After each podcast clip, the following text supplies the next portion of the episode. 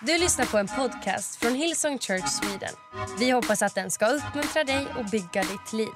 För att få mer information om Hillsong och allt som händer i kyrkan, gå in på hillsong.se. Och Jesus, jag tackar dig för ditt ord, Herre. Jag tackar dig att det är levande, att det är en ljus på våran stig, Herre Jesus. Herre, jag tackar att det guidar oss. Jag tackar dig att det styrker oss. Jag tackar dig för att det tröstar oss, att det helar oss. Det ger oss vision och kraft, Herre. Så jag ber heligande uppenbara Jesus i ordet idag, Herre. Hjälp oss att se dig, Jesus. Höra din röst och följa din väg. I Jesu namn. Amen, amen. Varsågod och sitt. Tack teamet. Jag vill säga ett stort tack till vårt staff. Uh, som jag sa, jag fick reda på det här i torsdags och uh, jag kände att det var eh, naturligt att dela det med vårt staff först. Och idag med vår kyrka. Och, uh, som sagt, om du går in på vår hemsida så kan du hitta en, eh, ett statement ganska utförligt om eh, situationen. Det är allt jag vet. Det är allt jag vet. Men jag lovar att leda med öppenhet och transparent eh, igenom det här på bästa sätt jag kan utifrån det jag kan. I Jesu namn. Och jag vill säga att om någon som har någon fråga, om någon vill prata med mig eller någon annan pastor eller ledare så för är du helt välkommen till det. Om jag kan ska jag svara. Om jag vet ska jag svara. Men vi vill absolut lyssna på dig om du känner att du har ett behov av det. I Jesu namn.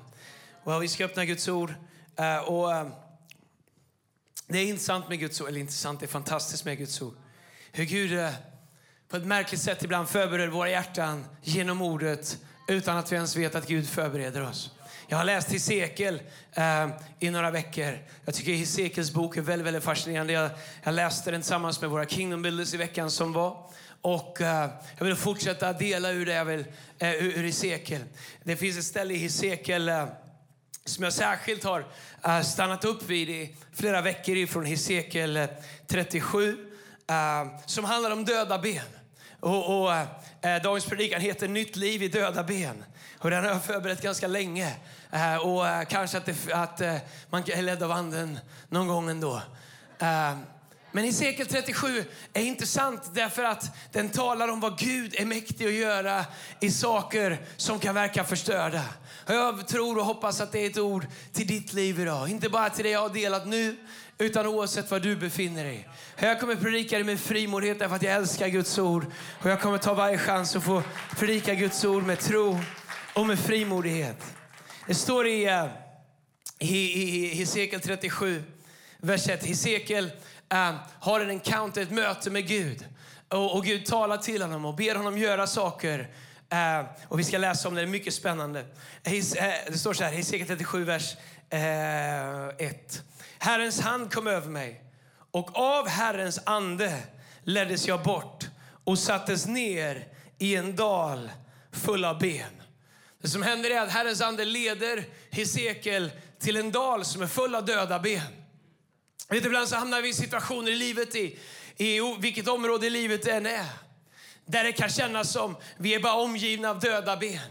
Och vi säger Gud, vart är du? Och Gud, har du övergett mig? Och Gud, varför är jag här? Och Gud, varför har du inte gjort? Men det vi läser är att Herrens hand kom över mig. Hur många tror att det är en bra sak? Det är bra när Guds hand kommer över oss. Men vad gör Guds hand?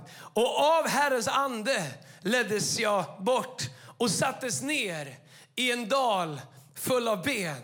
Så Gud leder Hesekiel till en dal full av ben. Han förde mig runt bland dem och de låg i stora mängder överallt i dalen, helt förtorkade. Han frågade mig, människa, kan de här benen bli levande igen? Jag svarade, Herre, Herre, det är bara du som vet det. Då sa han till mig, profetera till dessa ben och säg, ni torra ben, hör Herrens ord.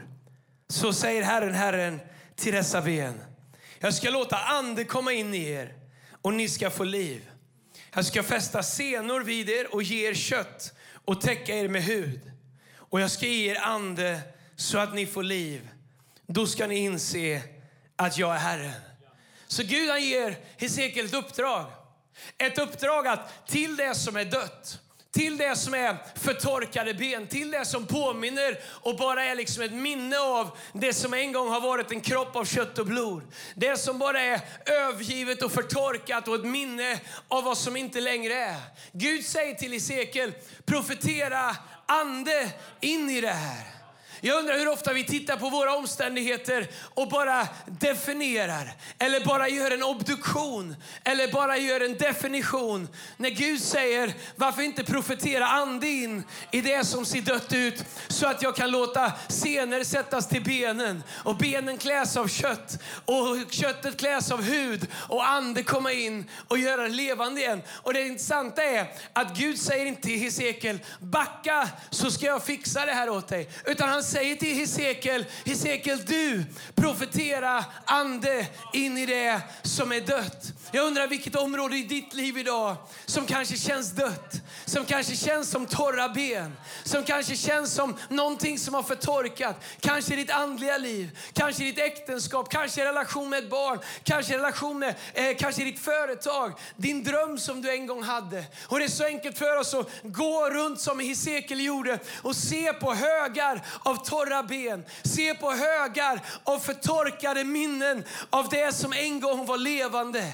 Men Hesekiel, han hör vad Gud säger. Och det står i vers 7, Hesekiels respons, så står det så här. Jag profeterade så som jag hade blivit befalld. Du vet, ibland så är det det bästa man kan göra, det är bara fort göra vad Gud har sagt. It makes no sense. Men Gud kommer alltid leda oss rätt när vi gör det Gud har sagt. Medan jag profeterade hördes något, ett rassel. Benen förenades med varandra. Ben fogades till ben. Jag såg hur de fick senor och muskler och täcktes med hud. Men ännu hade de ingen ande. Ande är alltid en bild på liv. Då sa han till mig, alltså Gud säger till Hesekiel, profetera till anden. Profetera människa. Säg, så säger Herren, Herren. Kom från de fyra väderstrecken, o ande, och blås på dessa dräpta så att de får liv igen. Igen responderar Hesekiel med, jag profeterade som han hade befallt mig. Då kom anden in i dem och de blev levande och reste sig upp på fötterna likt en väldig armé. Så Hesekiel han står framför de här döda högarna av ben. Och så börjar han profetera eh, för dem. Och sen så när benen har sammanfogats till det som, som är som en människa eller till någonting som är levande så har det formen av någonting som är levande. Men hur många vet att det lever inte riktigt förrän Guds ande i det. Slutligen så säger Gud till Hesekiel, Hesekiel nu när du har profeterat det ihopsatt, nu när du har liksom byggt ihop IKEA-paketet här.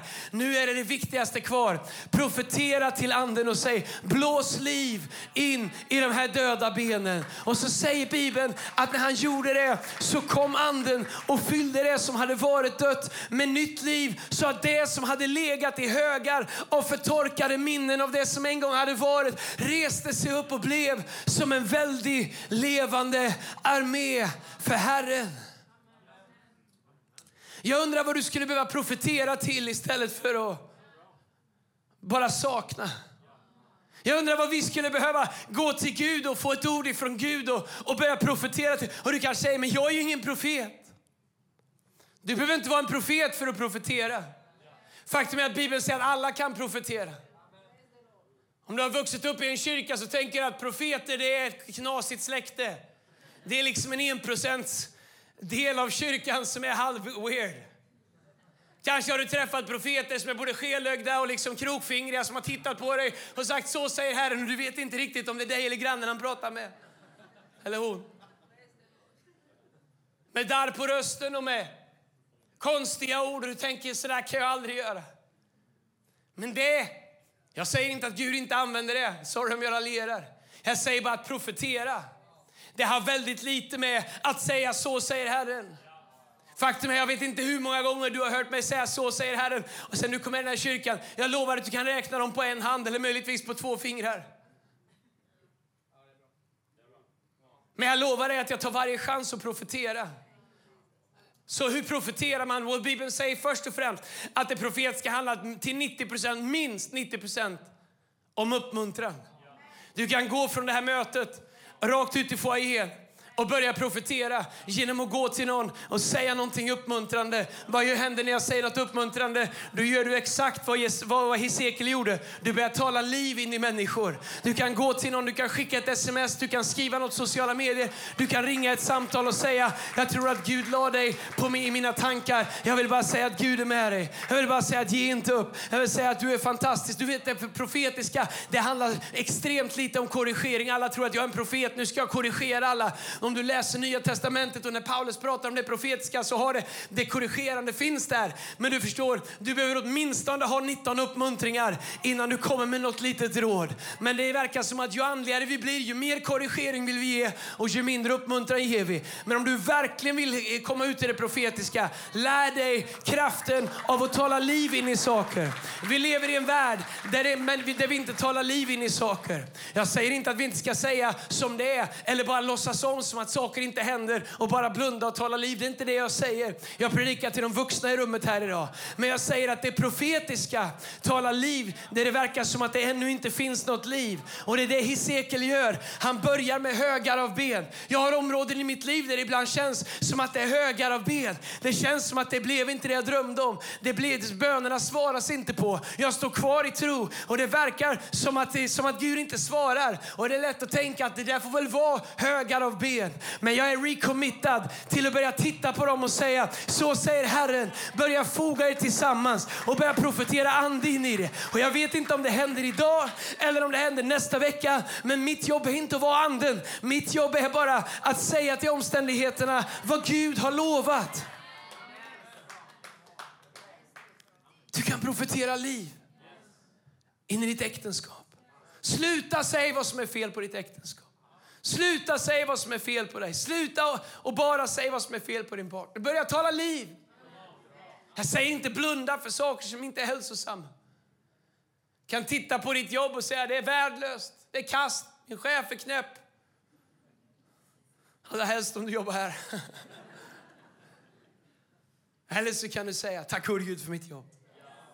Jag kanske inte är det jag skulle vilja vara, men tack gode Gud att jag inte är det jag brukade vara.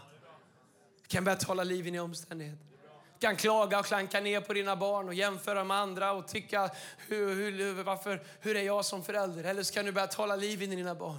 Säga du är fantastisk. Jag vet att du inte får allting rätt alla gånger, men du är fantastisk. Du är en skapelse av Gud. Gud har format dig. Gud har lagt en plan och ett syfte i dina liv. Och det kanske sicksackar lite nu, men du är på väg in i Guds syften. Gud har lovat att hålla sin hand över dig. Gud har lagt ett frö av hans ord i ditt hjärta och det kommer börja bära frukt i Jesu namn. Du förstår, vi kan välja om vi vill tala liv in i det som verkar dött eller om vi bara vill stå och konstatera. Ibland känns det som vi lever i en värld full av bara recensenter som bara vill säga som det är. Och jag säger inte att det inte finns plats för det, men jag säger om du vill se Gud göra någonting i ditt liv, upptäck kraften i att lära dig att profetera Guds löften in i dina omständigheter. Jag växte upp i en Oj, vad klockan går. Jag växte upp i en eh, pingstkyrka i Tidaholm, fantastisk kyrka. Men du vet när anden föll så, när man var ung så visste man ungefär tågordningen. Och när det var nattvard och bröderna, det var bara bröderna på den tiden, jag vet inte varför, men de skulle göra sig i ordning för nattvarden och var ute och tvätta händerna. Försvann 20 minuter ut och tvätta händerna, kom tillbaka till nattvarden för alla er som har vuxit upp i en pingkyrka kom tillbaka och det var nattvard. Det var fantastiskt nattvard. Det var sån kraftig nattvard. Det var sockerkaka gjord på riktigt bra socker. Och jag vet inte det här vi får man ska försöka stå med. Man står och försöker trä av och så fastnar Kristi kropp i gommen och man försöker liksom med så gott man kan liksom med värdighet eh, ta del av gåvorna. På den tiden så hade Maj-Lis och Kerstin gjort sockerkaka. Kristi kropp var något fantastiskt. Det var inte Kristi kropp. Jag säger inte att vi är katoliker. Jag vill bara säga det. Mejla inte mig. Uh, det är bara för predikan.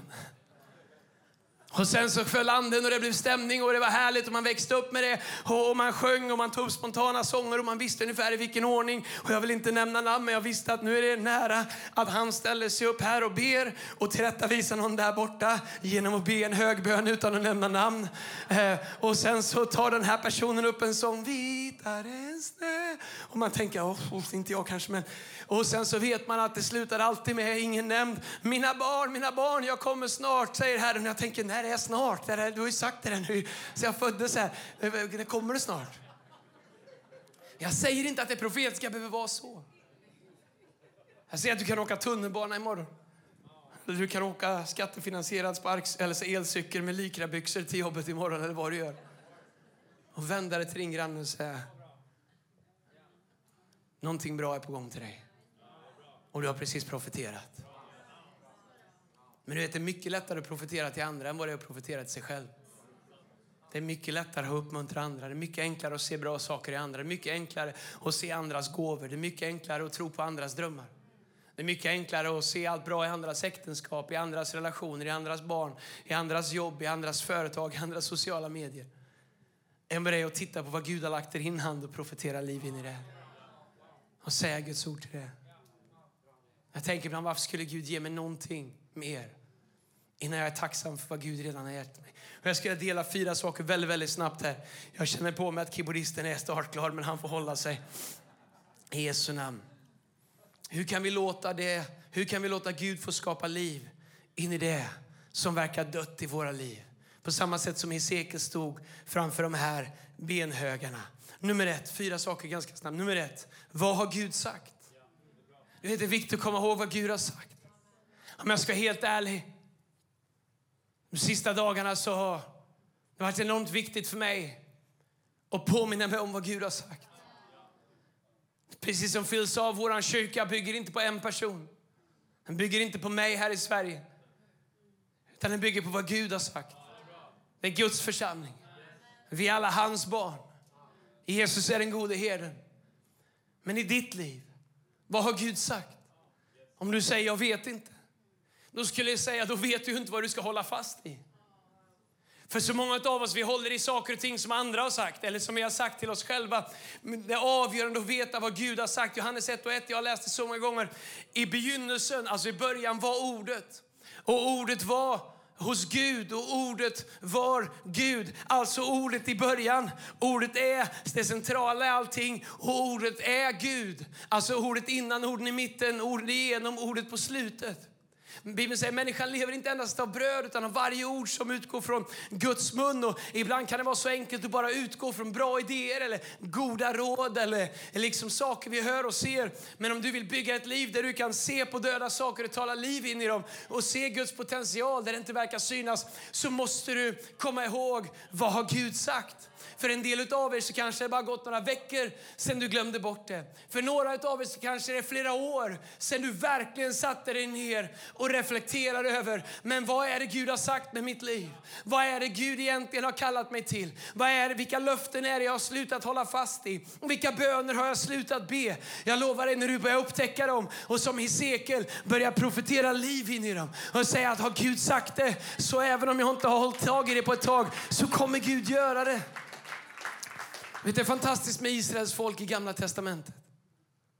Därför att de bärs fram hela tiden av berättelsen av vad Gud har gjort och vad Gud har lovat. 400 år i Egypten så bärs de fram av berättelsen om att Gud har lovat ett löftesland. Generationer dör i slaveriet, men de bärs fram av berättelsen från en generation till nästa om vad Gud har sagt.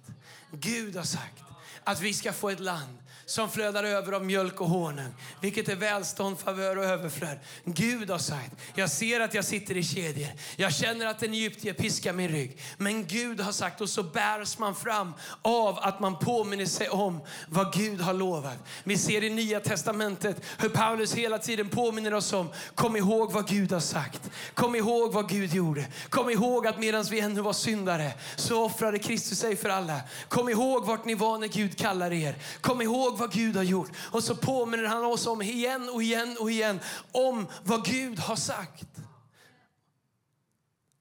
Romarbrevet 11.29 så står det för Gud ångrar inte sina gåvor eller sin kallelse.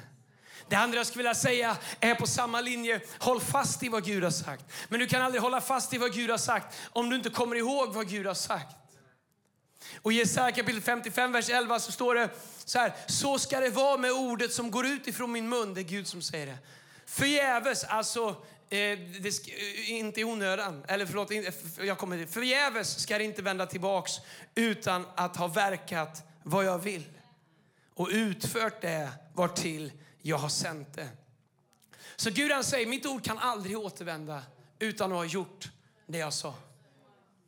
När det vi inte vet är vart det ska återvända ifrån. Hur långt bort det ska innan det kommer tillbaks. Eller vilka labyrintvägar det får ta ibland. Men vårt jobb är att tro att har Gud sagt det så kommer det bli. Och medan vi väntar på det som Gud har sagt så kan vi antingen tappa hoppet, vi kan ge upp, vi kan bli som Hesekes döda ben. Eller vi kan påminna oss om och hålla fast i vad Gud har sagt och veta att Gud vakar över sitt eget ord. Vet jag är mer övertygad än någonsin. Gud vakar över sitt eget ord. Ibland kan vi tänka att vi har ett uppdrag i Sverige och det har vi. Att sprida Guds ord, att sprida evangelium, att bygga hans kyrka. Det har vi, vi har ett uppdrag. Men vet du vad som är ännu mer än det? Gud vakar över sin kyrka. Gud vakar över sitt ord. Gud vakar över sina syften. Gud vakar över vad han har sagt. Det är Gud som håller sin hand över det. Så också i ditt liv min vän. Det kan du hålla fast i. Och när du gör det så ger det dig clarity, det ger dig klarhet. För det som händer när saker och ting händer i våra liv, att det kan bli dimmigt, det blir suddigt. Vi ser inte alltid klart. Men att hålla fast i vad Gud har sagt, det kommer ge dig klarhet i där du är. Bibeln säger att Guds ord är ett ljus på min stig och en lykta för min fot. Något sånt där. Det är, det är andemeningen av det. Psalm 100, 1905. Guds ord är mina fötters lykta och ett ljus på min stig. När har man gått söndagsskolan, då måste man sätta den. Men ibland när vägen är dimmig så frågar vi alla andra om ljus innan vi öppnar det här ljuset. Gud säger mitt ord. David säger ditt ord är mina fötters lykta. Min klarhet, min klarsynthet, min skärpa jag kommer här. Vad har Gud sagt? Håll fast i vad Gud har sagt. Han vakar över sitt ord och han vakar över dig. Det tredje har vi pratat om. Lita på att Gud tar ansvar för det han har sagt. Du vet, det är inte ditt jobb att producera Guds löften i ditt liv. Det är inte ditt jobb att hitta ett sätt att fullfölja drömmen som Gud har lagt i ditt hjärta. Det är inte ditt jobb att ha det som krävs för att ha ett hälsosamt äktenskap. Det är inte ditt jobb att ha det som krävs för att leva ett övervinnande liv eller vad du nu vill säga. Nej, ditt jobb är att lita på att om Gud får möjligheten att göra det i dig så kommer Gud göra det. Därför att vi kan lita på att Gud tar ansvar för det han säger. Vi är brustna, vi är flar, vi är otillräckliga allihopa utav oss. Men när vi överlämnar oss till Gud och Jesus får sitta på vårt hjärtas tron, då kommer, kan vi lita på att Gud tar ansvar ansvar för vad han har lovat. Och jag älskar psalm 119, vers 89 där det står För evigt Herre står ditt ord fast i himlen. Jag älskar det bibelordet. Här Hade jag haft en bredare bröst kunde jag tatuerat in det på längden men det, det får tyvärr bara plats med början. Eh, men, men hur länge är för evigt? Längre än vi orkar omfamna. Vi klarar det inte. Vi kan tänka oss, okej okay, nästa vecka kan jag tänka mig att hålla ut en månad. Men Bibeln säger för evigt, Herre. För evigt, Herre, står ditt ord fast i himmelen. Matteus 24, vers 35. Himmel och jord ska förgås, men mina ord, säger Jesus, ska aldrig förgås. Marken kan skaka, vi kan skaka, omgivningen kan skaka, tiden kan skaka. Det kan vara krig i länder, människor kan göra oss besvikna. Men jag lovar en sak, himmel och jord kan gå under. Men det Gud har sagt, det kommer alltid bestå. Därför att Jesus själv är ordet och han vakar över ordet och han håller i ordet. Och när du profeterar så säger du vad ordet säger. När du profeterar så connectar du dig till det som vi precis läste i psalm 119, att för evigt står ditt ord fast. När jag säger vad Gud säger så connectar jag mig till Guds löfte att för evigt står ditt ord fast. När jag profeterar och säger vad Gud säger över mitt liv och vad jag läser i Bibeln och vad Gud har lovat så connectar jag det till att himmel och jord kan förgås. Det kan se ut som det blir värre. Men Jesus säger mitt ord ska aldrig förgås. Och när jag talar vad Bibeln säger, då säger jag vad Jesus säger. Då connectar jag mitt destiny. Då connectar jag mina omständigheter till Gud. Och vet vad som händer då? Då säger Gud, nu låt nu min ande komma in i det här. Nu behöver du inte bära det här längre. Du kan profetera till det, men det är inte du som fyller det med ande min vän. Det är Gud som fyller det med ande. Det är Gud som kommer in i dina omständigheter när vi connectar oss till Guds ord. Det fjärde och det sista. Och du har hört mig säga det så många gånger. Att det verkar dött betyder inte att det inte lever. Det var högar av ben. Det var högar av halvruttna ben uttorkade ben. Det såg ut som det inte var någonting. Men Gud han såg en väldig armé. När Hesekiel bara såg högar av ben. Att det ser ut som det är dött i ditt liv. Och jag menar dött inte bara i dåligt skick. Att det ser ut som att det är dött, det betyder inte att det inte lever. Jag kanske borde spara det här ska säga, nu till, till påsken, men, men, men eh, jag kan inte, vi tar det nu, vi kan, jag kan predika om det hela vägen till påsken. Men du vet, jag tänker ofta på långfredagen när Jesus gav upp sin anda och han sa Fader i dina händer överlämnar jag min ande. Och förlåten brast och, och djävulen och alla demoner startade upp sitt transparty nere i, i helvetet och firade att äntligen skulle mörkret triumfera. Äntligen var Guds son besegrad. Äntligen hade de fått makten över inte bara jorden utan över himmelen också. Äntligen skulle de kunna få sprida sin hat, sin ilska, sin ondska. Allt som de hade. Det såg ut som att han var var död. Det såg ut som att han var förlorad och fienden trodde det. Hans demoner trodde det. De firade som att döden var permanent. Men Gud han visste medan de firade att fira på ni bara. För ni är bara två dagar ifrån det största uppvaknande som ni någonsin har varit med om. Och kan jag få säga till dig, stanna inte i långfredagen i dina omständigheter. Det kan se ut som att det är permanent dött. Det kan se ut som att det var ett permanent misslyckande. Det kan se ut som att det var en permanent setback. Men låt mig säga att det är bara långfredagen. Därför att jag är här för att säga att det kommer en uppståndelse söndag. Det kan se ut som att det är dött. Men bara för att det är dött så betyder det att det inte lever. Yes, Jesus gav sitt liv. Men han lever också i all evighet. Yes, det såg ut som att han dog. Men han uppstod också. Han som var död, han lever och han lever i evighet. Oavsett vilka omständigheter vi behöver gå igenom som kyrka, vilka omständigheter du behöver gå igenom, så är jag här för att säga att vi är en uppståndelse söndagskyrka. Och det kan komma en och annan långfredag. Men om vi bara håller ut och håller blicken fäst på Jesus och inte lyssnar för mycket på musiken som spelas där nerifrån så är jag övertygad om att uppståndelse söndags kraft kommer visa oss att det såg ut som det var dött. Men det har levt hela tiden. För det Gud startar, det fullbordar han. Han som har startat ett gott verk i oss, han är trofast och rättfärdig och han ska fullborda det även in till Kristi dag.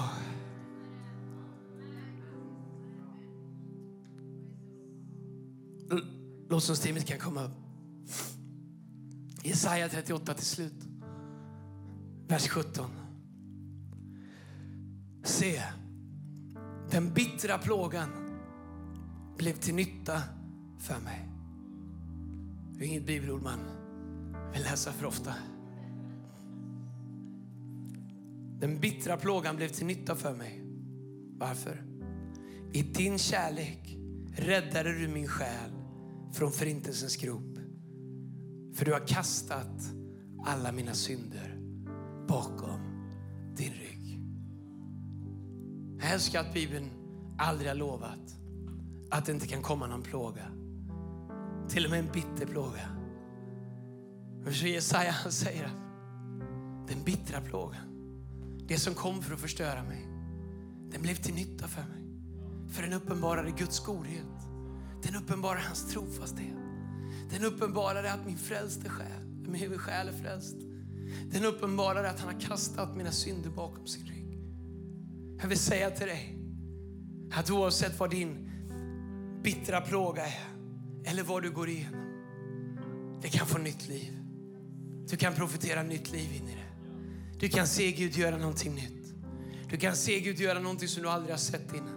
Du kanske tror att du har haft din chans. Du kanske tror att det är över. Du kanske tror att det är på ena eller andra sätt. Jag vill säga det till oss som kyrka också. Det Gud har lovat, det kommer han vaka över. Och den bittra plågan, den kommer bli till nytta för oss en dag. För Gud är trofast. För oss och för dig. I Jesu namn. Ska vi böja våra huvuden och sluta våra ögon? Överallt där du sitter. Jag vill be en bön. Om du är här idag som aldrig har lärt känna Jesus. Det kan vara en märklig söndag om det är din första söndag. Jag är ändå glad att du är här. Om du aldrig lärt känna Jesus Du har aldrig upptäckt honom. Du har aldrig upptäckt det här livet som jag pratar om. Det jag pratar om hur någonting fyller dig på insidan som är mer än vad du kan producera själv. Som är mer än vad du kan uppringa själv eller hypa dig själv till. Du har aldrig upplevt hans liv, hans frid, hans kärlek, hans nåd. Hur det är när han tar alla dina fel och brister, allt du bär på, kastar det bakom sin rygg och ger dig nytt liv. Om du aldrig upplevt det, då skulle jag vilja ge dig chansen. Det du behöver göra och det du har möjlighet att göra idag, det är att bjuda in Jesus i ditt liv. Och säga Jesus, om det här är sant, kom in i mitt liv. Jag vill lära känna dig. Jag vill upptäcka kraften av det här som Andreas pratar om. Om det här är sant, om det är på riktigt, då vill jag uppleva det. Jag ska be en bön. Jag skulle vilja inkludera alla här inne idag som aldrig någonsin har gett Jesus en chans i sitt liv. Säg Andreas, jag vill uppleva det. Då vill jag be för dig, där du sitter. Jag kommer alldeles strax räkna till tre och när jag säger tre så skulle jag vilja att du lyfter upp din hand när jag säger tre, medan alla andra blundar. Som ett tecken till mig där du säger Andreas, inkludera mig i din bön. Jag vill lära känna Jesus, jag vill ta emot det här. Jag kommer inte exponera eller peka ut det, jag vill bara veta vem jag ber för. Men jag vill också säga, om du är här idag och du känner att på insidan så är det dött. På insidan så är det bara som en hög av ben och du skulle behöva få nytt liv igen. Du behöver ett nytt möte med Jesus, du behöver komma tillbaks till en relation med Jesus. Då vill jag be för dig också. Så vart du än är idag på alla våra campusar eller online, med alla huvuden böjda, alla ögon stängda. Om du säger Andreas, inkludera mig i den bönen. Tänk på mig när du ber. Lyft din hand när jag säger tre. Alla andra blundar på alla våra camps. Är ni redo?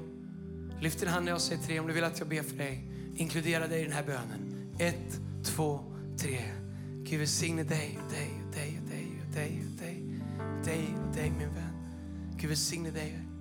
Någon mer lyft upp din hand, Gud välsigne er på alla andra campsar också. Se din hand där också. Gud välsigne dig. Gud, sätt era händer där också. Gud välsigne er där också. Tack Jesus. Händer går upp här och på alla våra andra rum och online. Du kan vara med online också. Ska vi göra så att vi står upp tillsammans och ber den här bönen tillsammans innan vi sjunger och avslutar med att sjunga lovsång tillsammans. Allihopa på alla våra campusar ber den här bönen efter mig. Tack Jesus, Tack Jesus, att du älskar mig. att du älskar mig. Jesus kom in i mitt hjärta. Jesus kom in i mitt hjärta. Förlåt mig min synd. Förlåt mig min synd. Fyll mig med nytt liv. Fyll mig med nytt liv. Låt din ande komma in i mitt liv och göra mig levande. mig. Visa mig dina planer och dina syften. Visa mig dina planer och dina syften. Tack att jag har en framtid och ett hopp. Tack att jag har fram till ditt hopp. I Jesu namn vi ber. Och allihopa sa Amen, amen. Du har lyssnat till en podcast från Hillsong Church Sweden. Om du vill veta mer om vår kyrka eller om våra söndagsmöten surfa in på hillsong.se.